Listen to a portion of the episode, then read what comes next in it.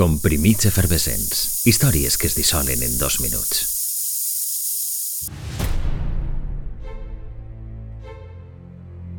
Aquell any, la primavera acabada d'estrenar seria molt diferent a qualsevol altra.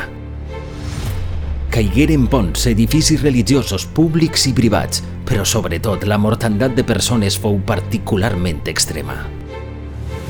Pobles completament assolats i famílies destrossades per la força de la natura. Un 21 de març la terra tremola com no es recorda ni afortunadament s'ha vist mai més a la comarca del Baix Segura.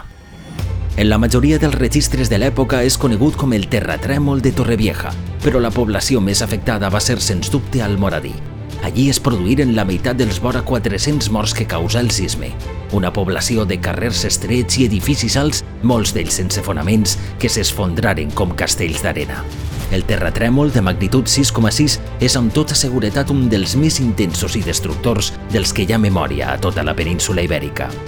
Almoradí i Torrevieja, però també Guardamar del Segura, Dolores, Redovant, Sant Miquel de les Salines i altres poblacions del Baix Segura quedaren devastades pel sisme.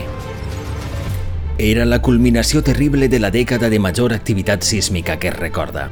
Devastació extrema que queda ben reflectida en la carta que poc després enviaria el bisbe d'Oriol al rei Ferran VII.